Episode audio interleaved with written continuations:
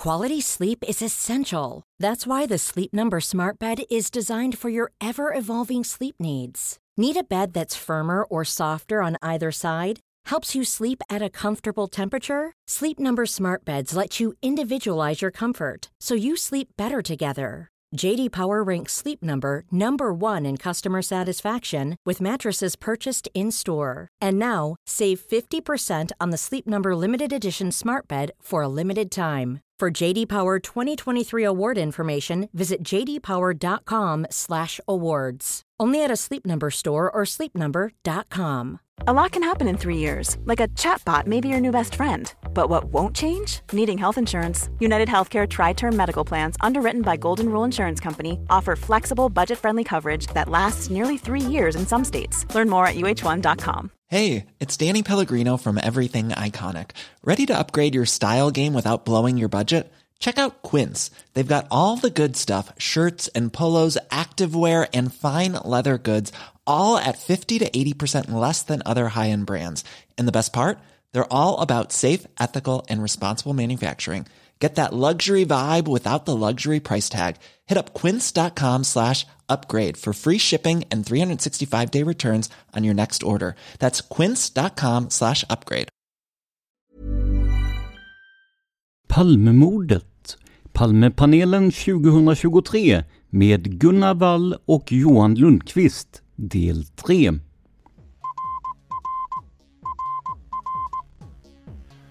Sveriges statsminister Olof Palme är död. 90 000. Ja, det är mord på Sveavägen. Hörde de säger att det är Palme som är skjuten. Mordvapnet med säkerhet är en Smith Wesson, en revolver kaliber .357. Inte ett svar. Finns inte ett svar. För jag har inget. Och jag har inte varit Varför skulle jag Polisen söker en man i 35 till 40-årsåldern med mörkt hår och lång mörk rock. Välkomna till podden Palmemordet. Jag heter Tobias Henriksson. Om du vill stötta den här podden och se till att vi kan komma ut med fler och minst lika bra avsnitt, ja, då går det alldeles utmärkt. Gå in på patreon.com palmemordet och donera en summa som podden får per publicerat nytt avsnitt. Görs det inga nya avsnitt, ja då dras heller inga pengar. Och adressen är alltså patreon.com palmemordet. Vill du hellre göra en engångsdonation, ja då hittar du alla sätt att göra det på i avsnittsbeskrivningen.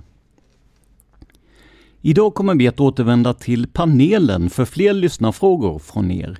Som vanligt är det Gunnar Wall, Johan Lundqvist, Dan Hörning och jag som svarar på dem.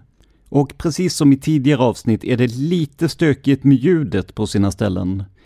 Jag tänkte att jag kort skulle förklara varför innan vi släpper lös panelen. När vi spelar in via länk så använder vi ett program som heter CleanFeed. Det funkar superbra om man har hyfsad utrustning och även om man inte har det så funkar programmet väl om det bara är en gäst. Men, och det här är ett stort men, i gratisversionen av programmet som vi använder hamnar alla gäster på en och samma kanal, medan värden, i det här fallet jag, hamnar på en egen kanal. Det gör att det inte går att justera varje gäst individuellt, utan att de andra också höjs i volym. Just i det här fallet är det Gunnars ljud som varit lite lågt, och höjer jag det så åker också Dan och Johan med av bara farten. Det är först i och med den här inspelningen som vi insett begränsningarna i det här, så det mest troliga är att vi till nästa panel investerar i proffsversionen av programmet, där varje gäst får en egen kanal. Då blir det mycket lättare att redigera i efterhand om det skulle behövas. Men i de två sista panelavsnitten för den här gången får ni tyvärr stå ut med att ljudet på våra gäster inte är optimalt. Och för att ni inte ska få en massa avsnitt där ljudet är tveksamt så kommer vi nästa vecka att sända en nyinspelad intervju med Jon Jordås på produktionsbolaget Filt. Deras podd Ödestimmen tog för ett par veckor sedan upp Stig Engström och Palmemordet och det kom fram en del uppgifter som i alla fall inte jag hade koll på sedan tidigare. Det blir en hel timme med riktigt nördigt Palmesnack. Men idag fokuserar vi alltså på panelen och vi kommer in i avsnittet just när lyssnaren Max ställer sin tredje inskickade fråga. Max fortsätter. Jag har också två frågor som rör teorin om grannmannen. Det är en populär teori som används i många sammanhang, inte minst gällande Christer P, Christer A och till och med Skandiamannen, trots utstämplingen som ställer till det rejält. På en direkt fråga om han såg grannmannen följa efter Olof Lisbeth svarar Mårten tydligt nej i tingsrätten. Ändå har det blivit en sanning som upprepas än idag att Mårten såg en man följa efter. Om man lägger Mårtens nej till övriga osäkerheter i vittneskedjan mellan Grand och mordplatsen, hur ser ni på stödet för teorin om en person som följer efter från bion? Är det dags att begrava grannmannen? Och det här pratade vi om lite tidigare. Som sagt var, jag, jag håller ju med. Stödet är väl inte jättestarkt. Vi var inne lite på signalementen där som divergerar lite från den här personen eh, till eh, gärningsmannen som mordplatsvittnena pratar om. Då. Eh, men nej, jag kan inte begrava grannmannen eh, och kan se det som en trolig förklaring eh, att det är härifrån som, som gärningsmannen fångar upp par Palme och följer dem till mordplatsen. Så, att, så jag tänker inte begrava grannmannen än. Gunnar, vad vill du göra med grannmannen? Ja, alltså jag vill nog duplicera honom lite grann kanske för att alltså jag tror så här. Ja, just Makarna Palmes besök på Grand tror jag var centralt när vi ska förstå händelseförloppet överhuvudtaget. Och det finns åtskilliga tecken som antyder övervakning omkring, omkring Grand. Och eh, det gör att jag tror definitivt att observationer som folk har gjort kan handla om sån övervakning. Eh, en hel del av observationerna handlar säkerligen om samma person men det finns också tecken på att det kan handla, handla om olika personer. Så det, det tror jag är intressant och därför tycker jag absolut inte att vi ska begrava alla de här observationerna. Det vore väldigt fel att göra. Sen, sen om makarna Palme var förföljda från Grand, där menar jag att, att de skulle ha gått på samma sida som de och gått över när de gick över. Det menar jag att det, eh, där är bevisningen ganska svag. Man kan tänka sig att någon kan ha, eh, kan ha gått parallellt med makarna Palme på den östra sidan av Sveavägen då han själv inte exponerar sig särskilt mycket och sen när makarna Palme gått över så kan han ha saktat in kanske. Det hänger på vad hans syfte var. Om hans syfte var att delta som en observatör och medhjälpare så kan han ha sett till att han helt enkelt höll sig på visst avstånd. Vi kan ju komma ihåg i sammanhanget Lisbets berättelse om en man i beige som kommer gående norrifrån som inte är identifierad vad vi vet. Det, det skulle kunna vara så att efter det att gärningsmannen gjort sitt kommer det fram någon annan som ska se hur det har utfallit. Det skulle kunna vara någon som kommer ifrån Grand, Men eh, som så mycket annat. Vi kan inte, inte vara riktigt säkra på någonting här. Max fortsätter.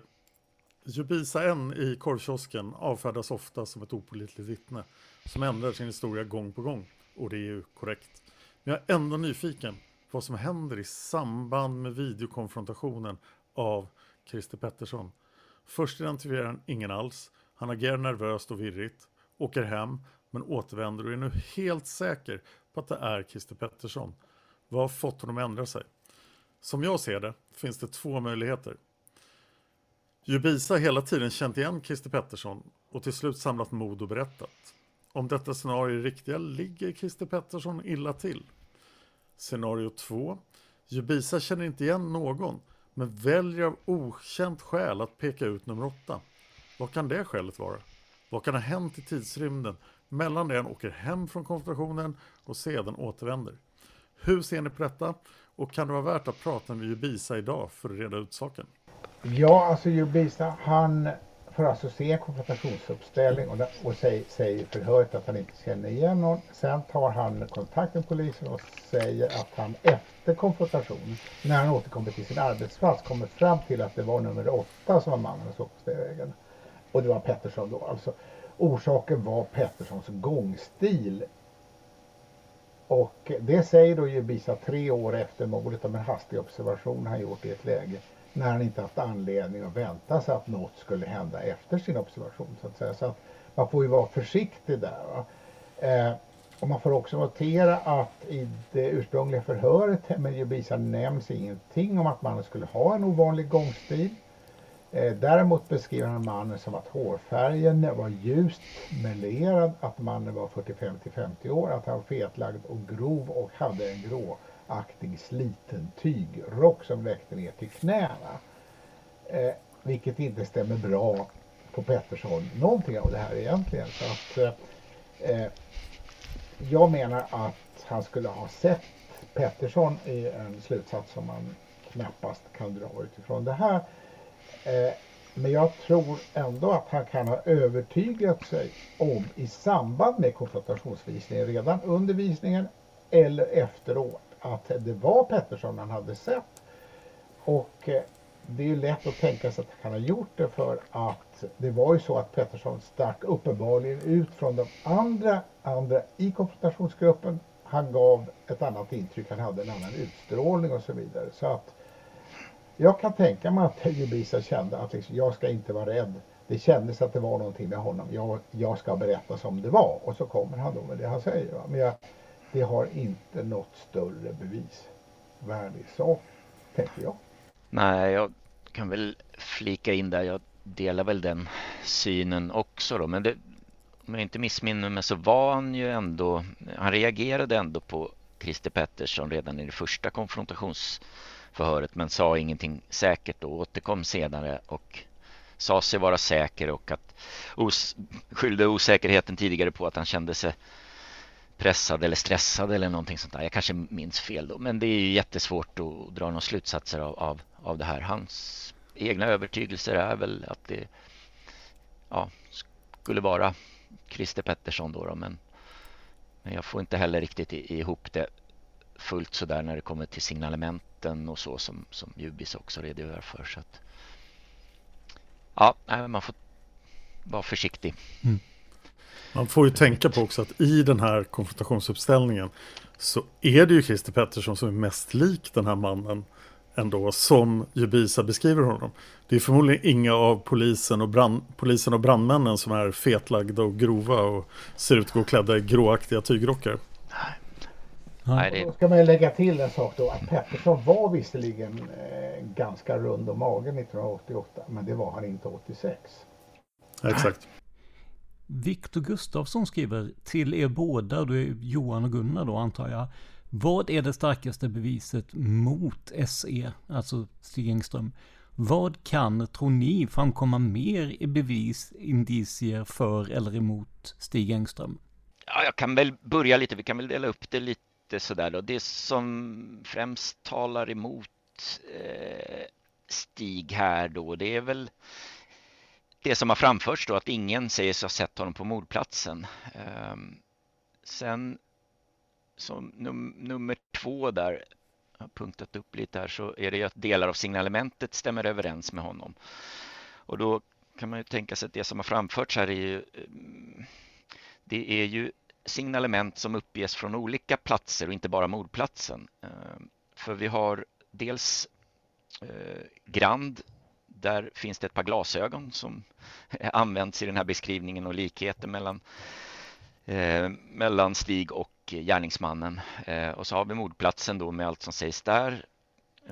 Med rock är väl det, det mest lik, likslående och i övrigt så huvudbonader på mordplatsen är det ju då främst mössa och och barhuvad som, som uppges av vittnena. Men sen kommer vi in på Tunnelgatan och då har vi vittnet Lars där som ser en keps eh, eller något kepsliknande om man ska citera honom. Och sen så uppe på David Bagares gata och vittnet Yvonne så kommer den lilla väskan in då. Eh, men som sagt var, delar av signalementet det kan stämma hyggligt överens då med, med Stig. Ehm, sen lite kopplat till det första att ingen har sett honom. Det finns egentligen inget riktigt vattentätt alibi från mordplatsen.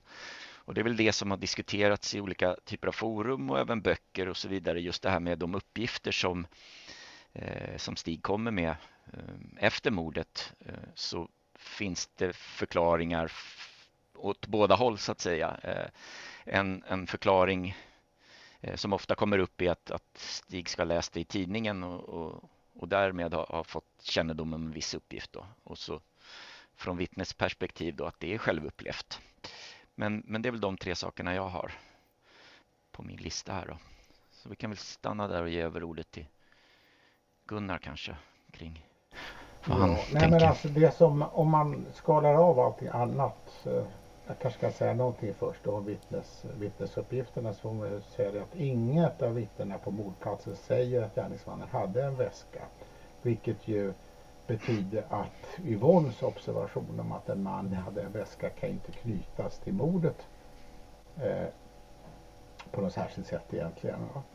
Eh, och eh, det är alltså bara ett enda vittne på mordplatsen som talar om keps och det är ju då Lars och han är osäker på om det var en keps eller inte. Och Yvonne säger ju ingenting om någon keps. Va? Och, eh, så att alltså det här är ju det här är ju väldigt enstaka uppgifter i förhållande till all annan information som finns om gärningsmannens utseende. Så att det räcker naturligtvis inte någonstans. Utan det som har varit det slående argumentet det är ju det här att det verkar som om inte Eh, Engström kan styrka att han var på mordplatsen minuterna efter mordet. Och det har ju pumpats upp som ett väldigt, väldigt starkt argument emot honom. Va?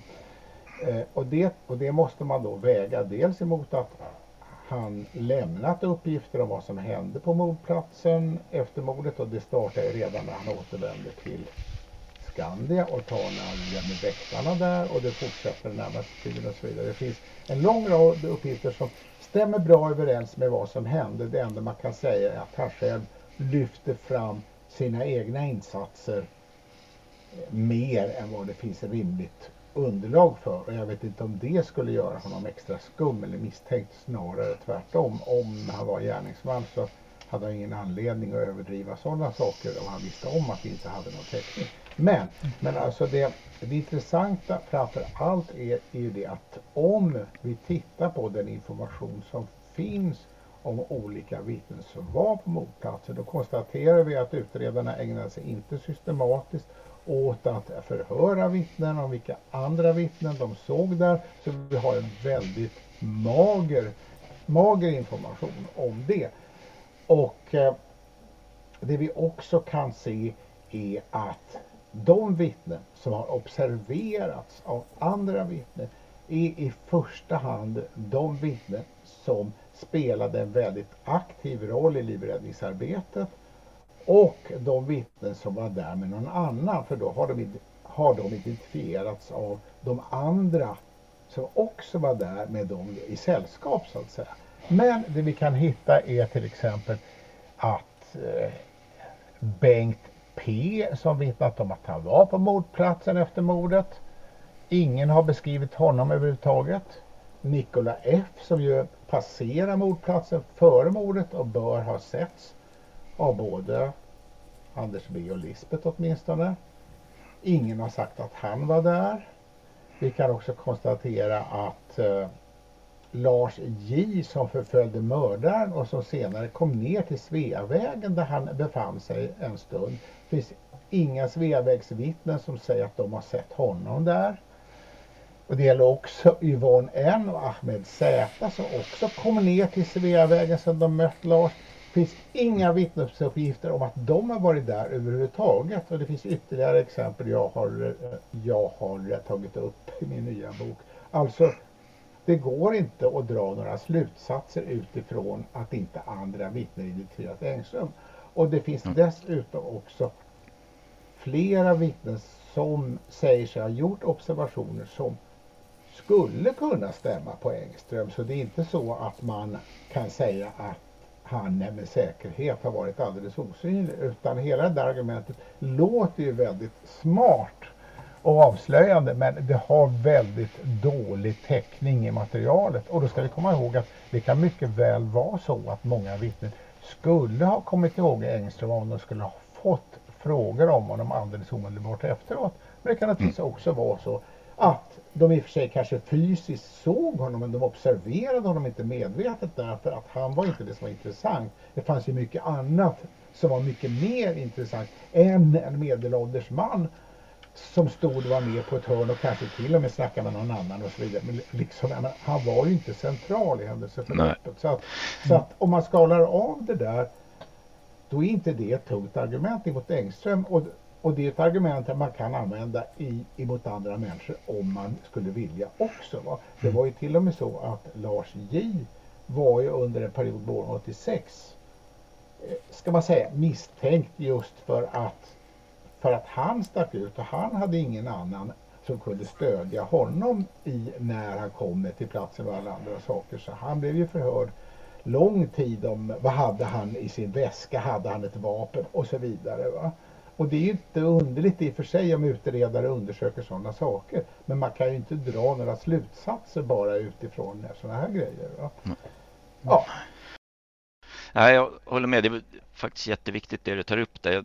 Tänkte på det Gunnar när du eh, berättar om, om att, att Stig här kan ha varit iakttagen men vi har liksom inga uppgifter på det. Och det är just det man måste beakta i, i de här uppslagen och förhören och så, så är det bara endast fragment. Och mm. Fokus bör ju ha legat på dels den flyende gärningsmannen men sen bör väl de flesta ha tittat vad som, vad som händer med, med Olof som ligger på, på marken och sådär och lägga märke till och observera andra vittnen. Det, det är ju inte så vanligt. En, eh,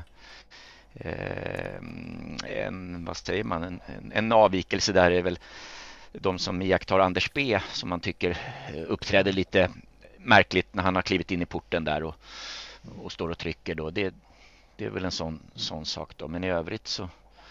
Och sen därför lägga till Bengt P är ju exemplet med, med Nikola som har passerat mordplatsen att folk missar honom. Det ser jag nog inte så, som, så konstigt då. Men, men däremot Bengt P är ju faktiskt framme vid vid Olof och säger till, om det nu är Anna och, och, Stefan där, att de ska akta så att han inte kvävs, då, att Olof inte ska kvävas. Så att han är högst centralt där. En annan, eh, en annan person som egentligen bara bekräftas av, av, sina kamrater, det är väl Kenneth E som hjälper Stefan med att lägga Palme i, i framstupa sido, sidoläge. Det är också en, en person som sen mer eller mindre försvinner och inte beskrivs av några andra. Eh, inte ens det att han har eh, varit med och hjälpt, hjälpt Stefan att lägga eh, Palme i framstupa sidoläge. Det är, det är egentligen bara Stig här som kommer med den uppgiften att det är flera som vänder Palme till rätta. Så det är en sån uppgift som, ja, en alibiuppgift möjligtvis, men, men den är inte vattentät. Eh, den har ju också förklarats bort av de som propagerar för, för SS som gärningsman här. Mm.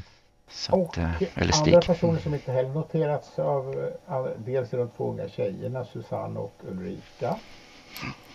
Som var på platsen, som ville lämna sina namn men inte fick det och så vidare. Mm. Det finns inga vittnesuppgifter om dem. Kristina och Per, två syskon som var där Det finns ingen som säger någonting om dem heller. Så att alltså det där är ju det är ju ganska många exempel på folk som inte har blivit observerade något särskilt utifrån det vi kan se i materialet så att säga.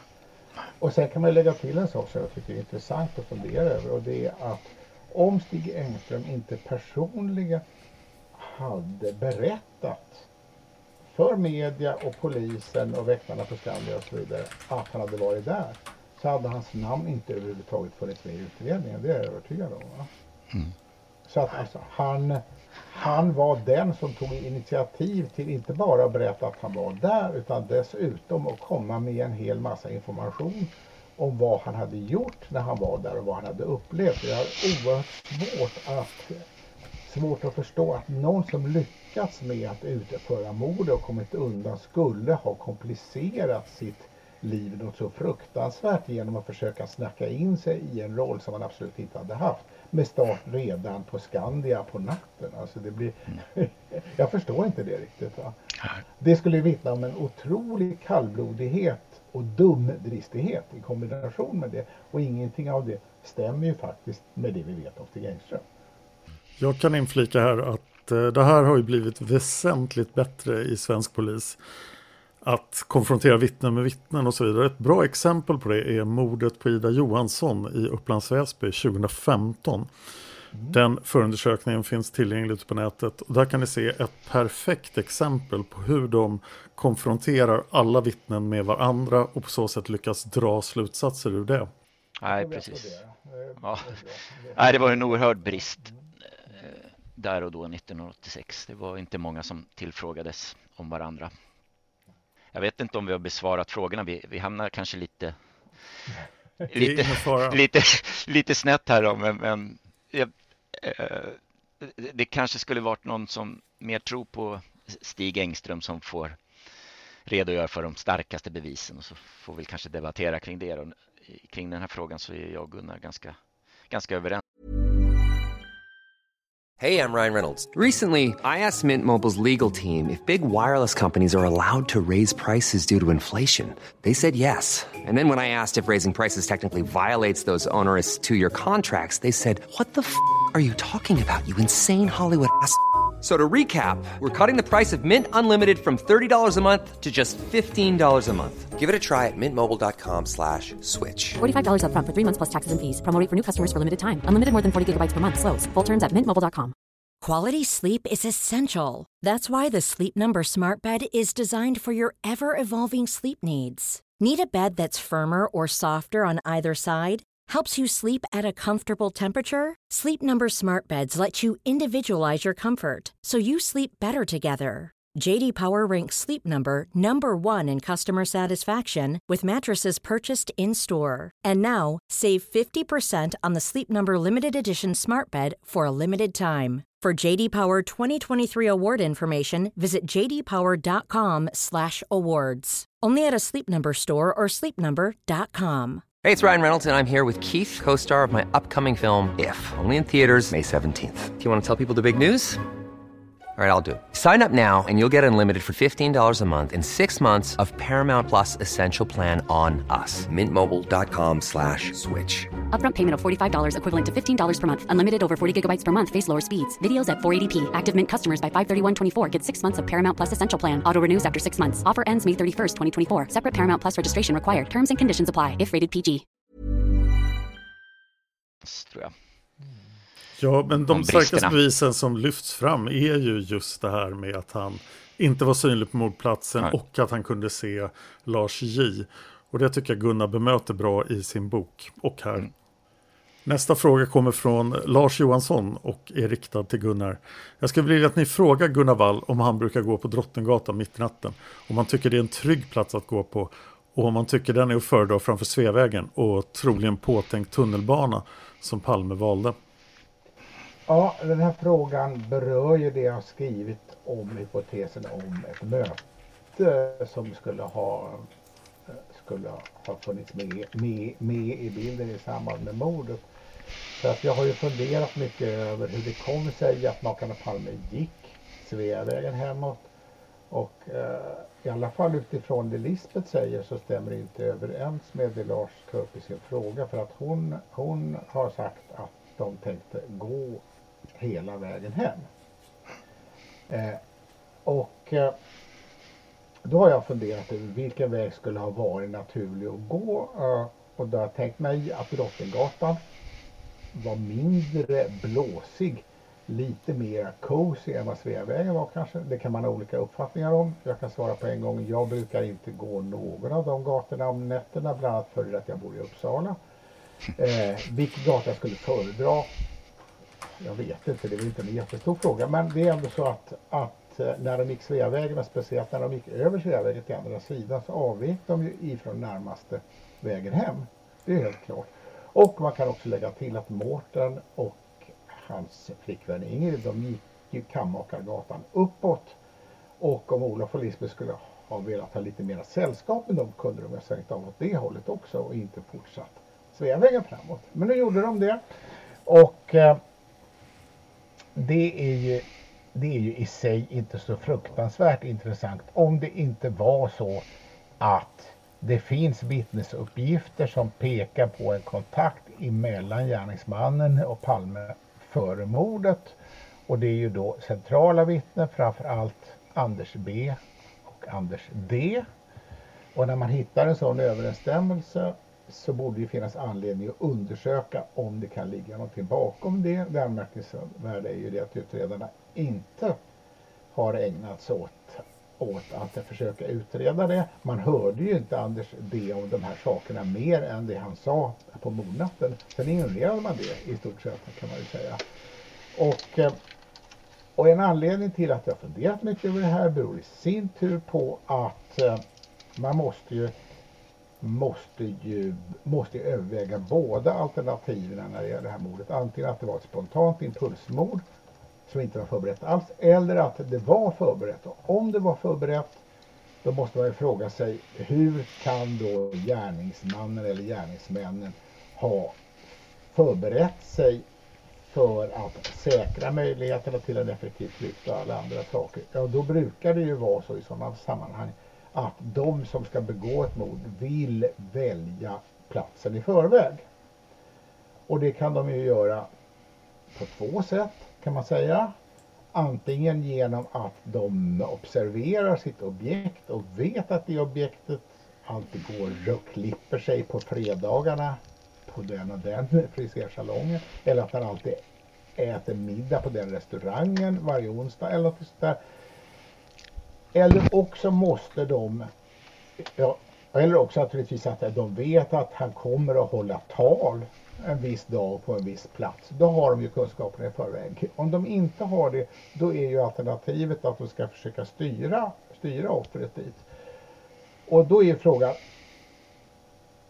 kan det vara så att de i förväg hade information om att Palme skulle gå den här vägen för att han hade ställt ett möte med någon annan? Eller kan det vara så att någon hade lockat honom till en mötesplats? Ja, det måste åtminstone övervägas utifrån omständigheterna att det osannolika att han blev skjuten inträffade så att säga.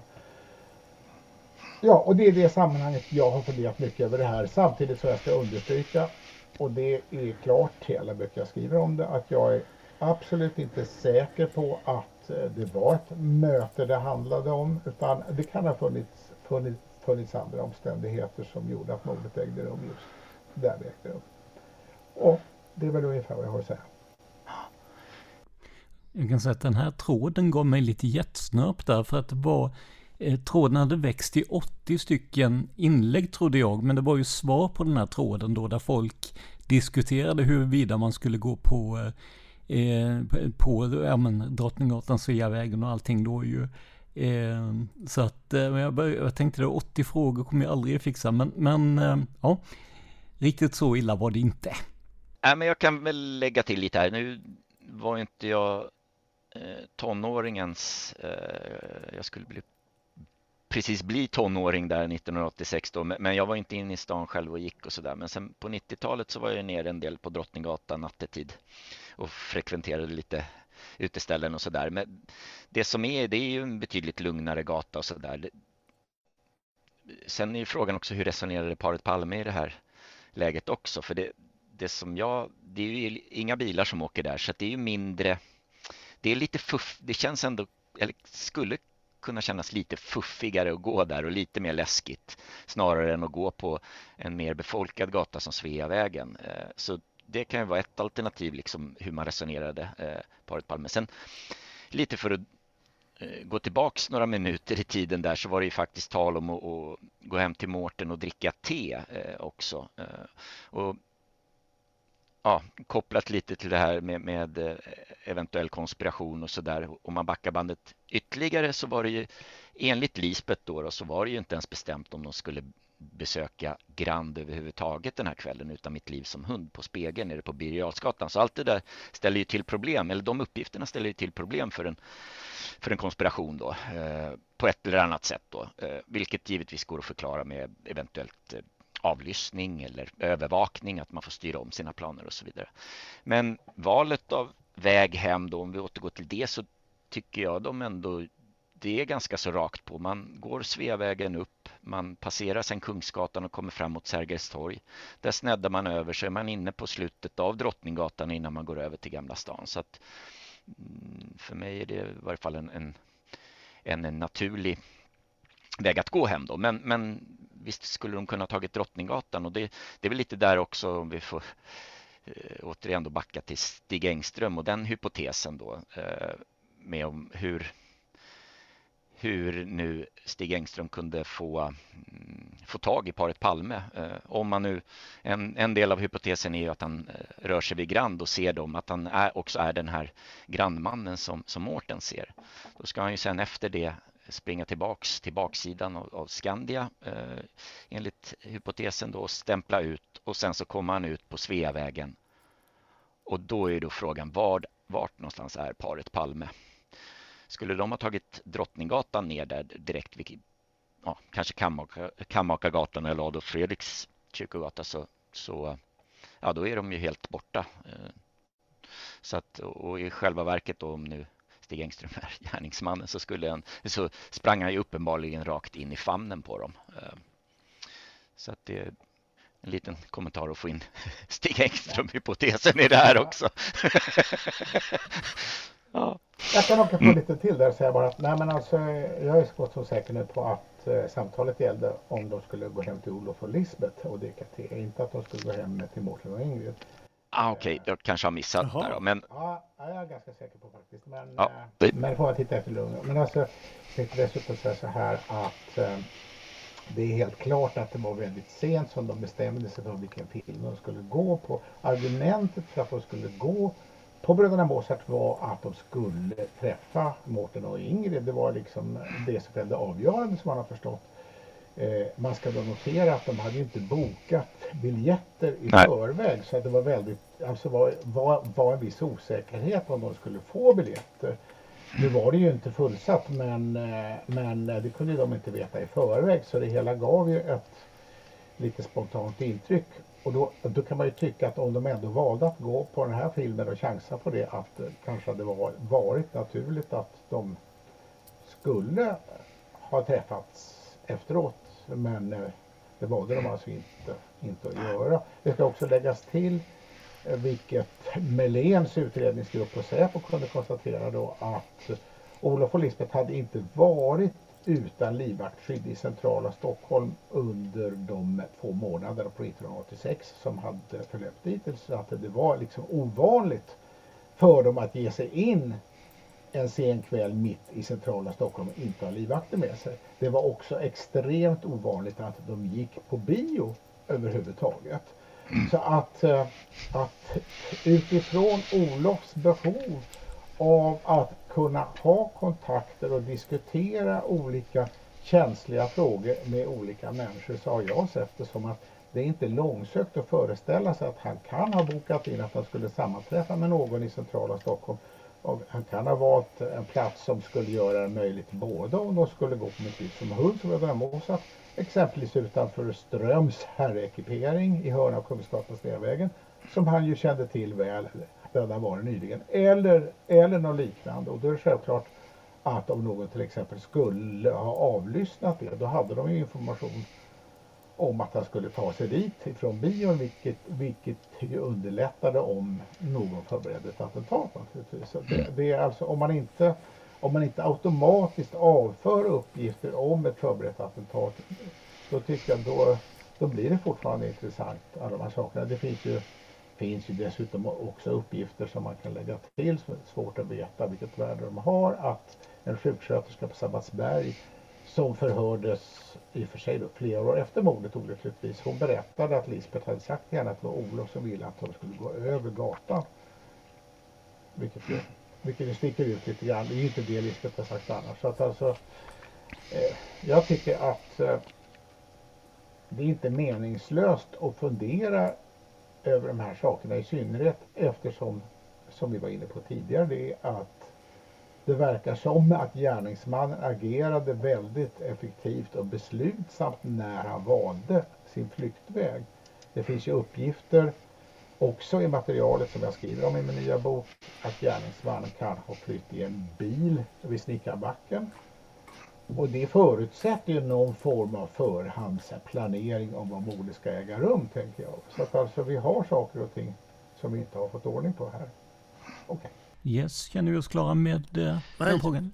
Ja, Dan vill svara, står här. Jag känner att jag har ganska unik kompetens att svara på Lars frågor. eftersom jag bodde på Drottninggatan 81B 11 år. Det vill säga på Drottninggatan i höjd med Grand. Så jag har rört mig väldigt, väldigt mycket i de här kvarteren. Och det gjorde jag även i viss mån på 80-talet. Och jag har också haft anledning att gå till tre platser på Västerlånggatan från där jag bodde. Jag skulle till Aggekall där vi spelade in avsnitt 100. Jag skulle till SF-bokhandeln och jag skulle till förstås där Olof Palme bodde. Och jag skulle aldrig någonsin har gått på Sveavägen. Jag tycker Drottninggatan är ett solklart mycket bättre alternativ. Och speciellt då sena kvällar så är det det är betydligt tryggare att gå på den gå på Drottninggatan, speciellt efter Kungsgatan. För där är mer folk, det är upplyst, Sveavägen blir lätt ödslig och otäck. Eh, men i ett motargument till mig själv då så hade förstås Olof Palme mycket större vana att gå den här sträckan eftersom partihögkvarteret ligger mitt emot Grand. Så han har ju förmodligen gått hem från precis den här platsen många gånger tidigare. Mm. Jag tänker du som boende står på Drottninggatan skulle väl knappast gå upp till Sveavägen och ska du till Gamla stan så är det väl mest naturligt att du bara går raka spåret. Va? Ja, ja, givetvis, men det jag ville framhäva var just att jag, jag känner till området ja. extremt väl. Ja. Ja. Och även om jag hade varit på Grand så skulle jag gå upp på Drottninggatan. Jag tog faktiskt, det fanns en anledning att jag inte frågade dig Dan, för jag tänkte på det, men sen eh, Eh, tidigare då, jag tänkte ju inte på att, eh, att du inte bor där längre nu, men tidigare har du varit lite försiktig med att berätta var du bor ju, så att... Eh, ja, därför... Nu har jag flyttat till Sveavägen. så lokalkännedomen kvarstår. Ja, absolut. Det är... Mm. Tunnelgatan nästa. Ja, jag tänkte säga det. Vi har snart någon som befinner sig på, på mordplatsen, men 40 år för sent då, men ja. Jag tittade faktiskt på en lägenhet som hade balkong mot mordplatsen, men det blev inte den. Det, det verkar som att um, vi har lyckats slumpa det så, så att jag får alla frågor som rör ynglingen här. Men Ska jag ja, dra den? Ja, nej men jag kan ta den. Magnus Broström undrar, vad anser Gunnar Wall om ynglingen? Eh, och jag har ju då berättat lite vad, eh, ja men, vad jag står i det hela så att säga. Men jag vet inte Gunnar, vill du att jag eh, liksom bara drar lite snabbt vad, vad som avses med det här spåret eller? Ja, det kan väl vara bra att göra det. Sammanfatta gärna du.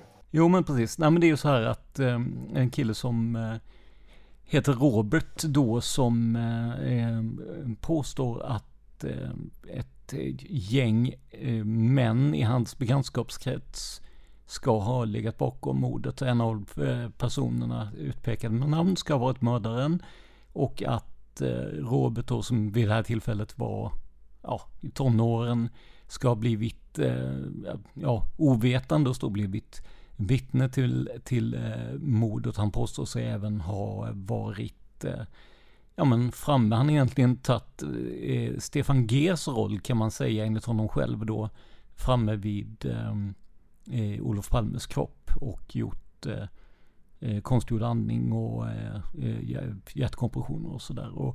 Jag kan ju säga det också innan vi lämnar över till Gunnar att du och jag Gunnar, vi har, vi har pratat om det här, för jag, jag hörde av mig till dig när Eh, var eh, ett, ett vittnesmål från en Göran I som, eh, som jag var lite nyfiken på där. Ehm, som, men, men ja, men du får, du får svara för dig själv här, vad du, vad du känner och tycker om det här.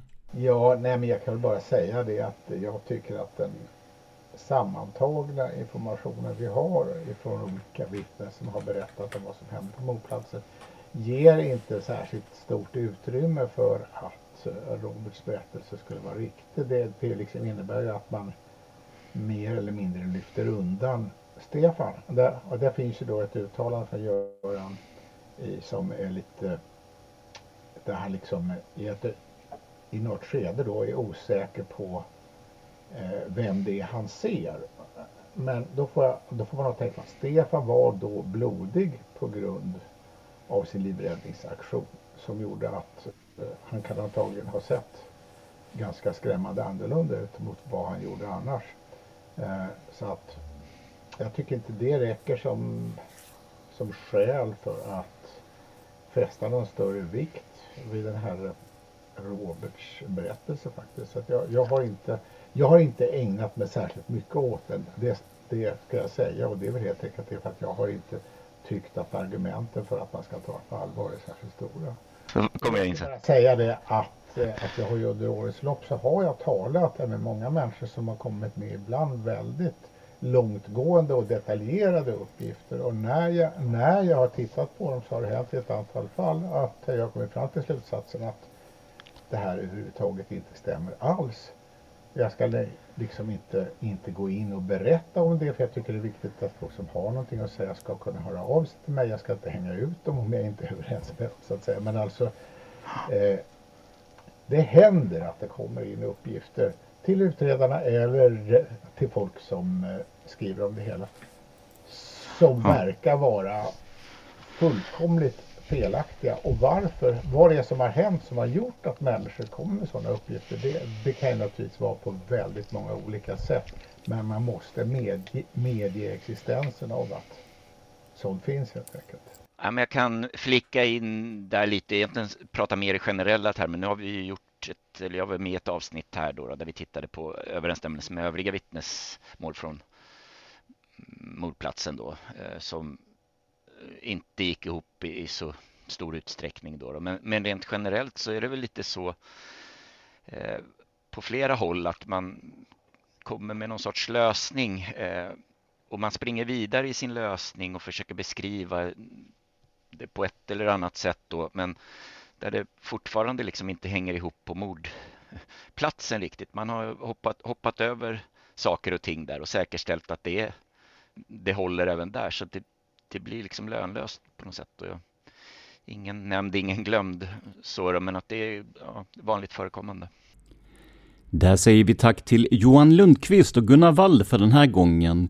Och nästa vecka blir det alltså en intervju med Jon Jordås på produktionsbolaget Filt om deras Palmeavsnitt, innan vi återvänder till panelen en sista gång.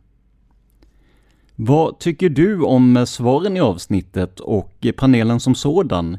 Kommentera gärna i avsnittets trådar på Facebook. Vi finns i Studio Palmemordet och Palmerummet. Om du vill komma i kontakt med oss för till exempel frågor om podden eller tips, mejla simwaypodcast gmail.com.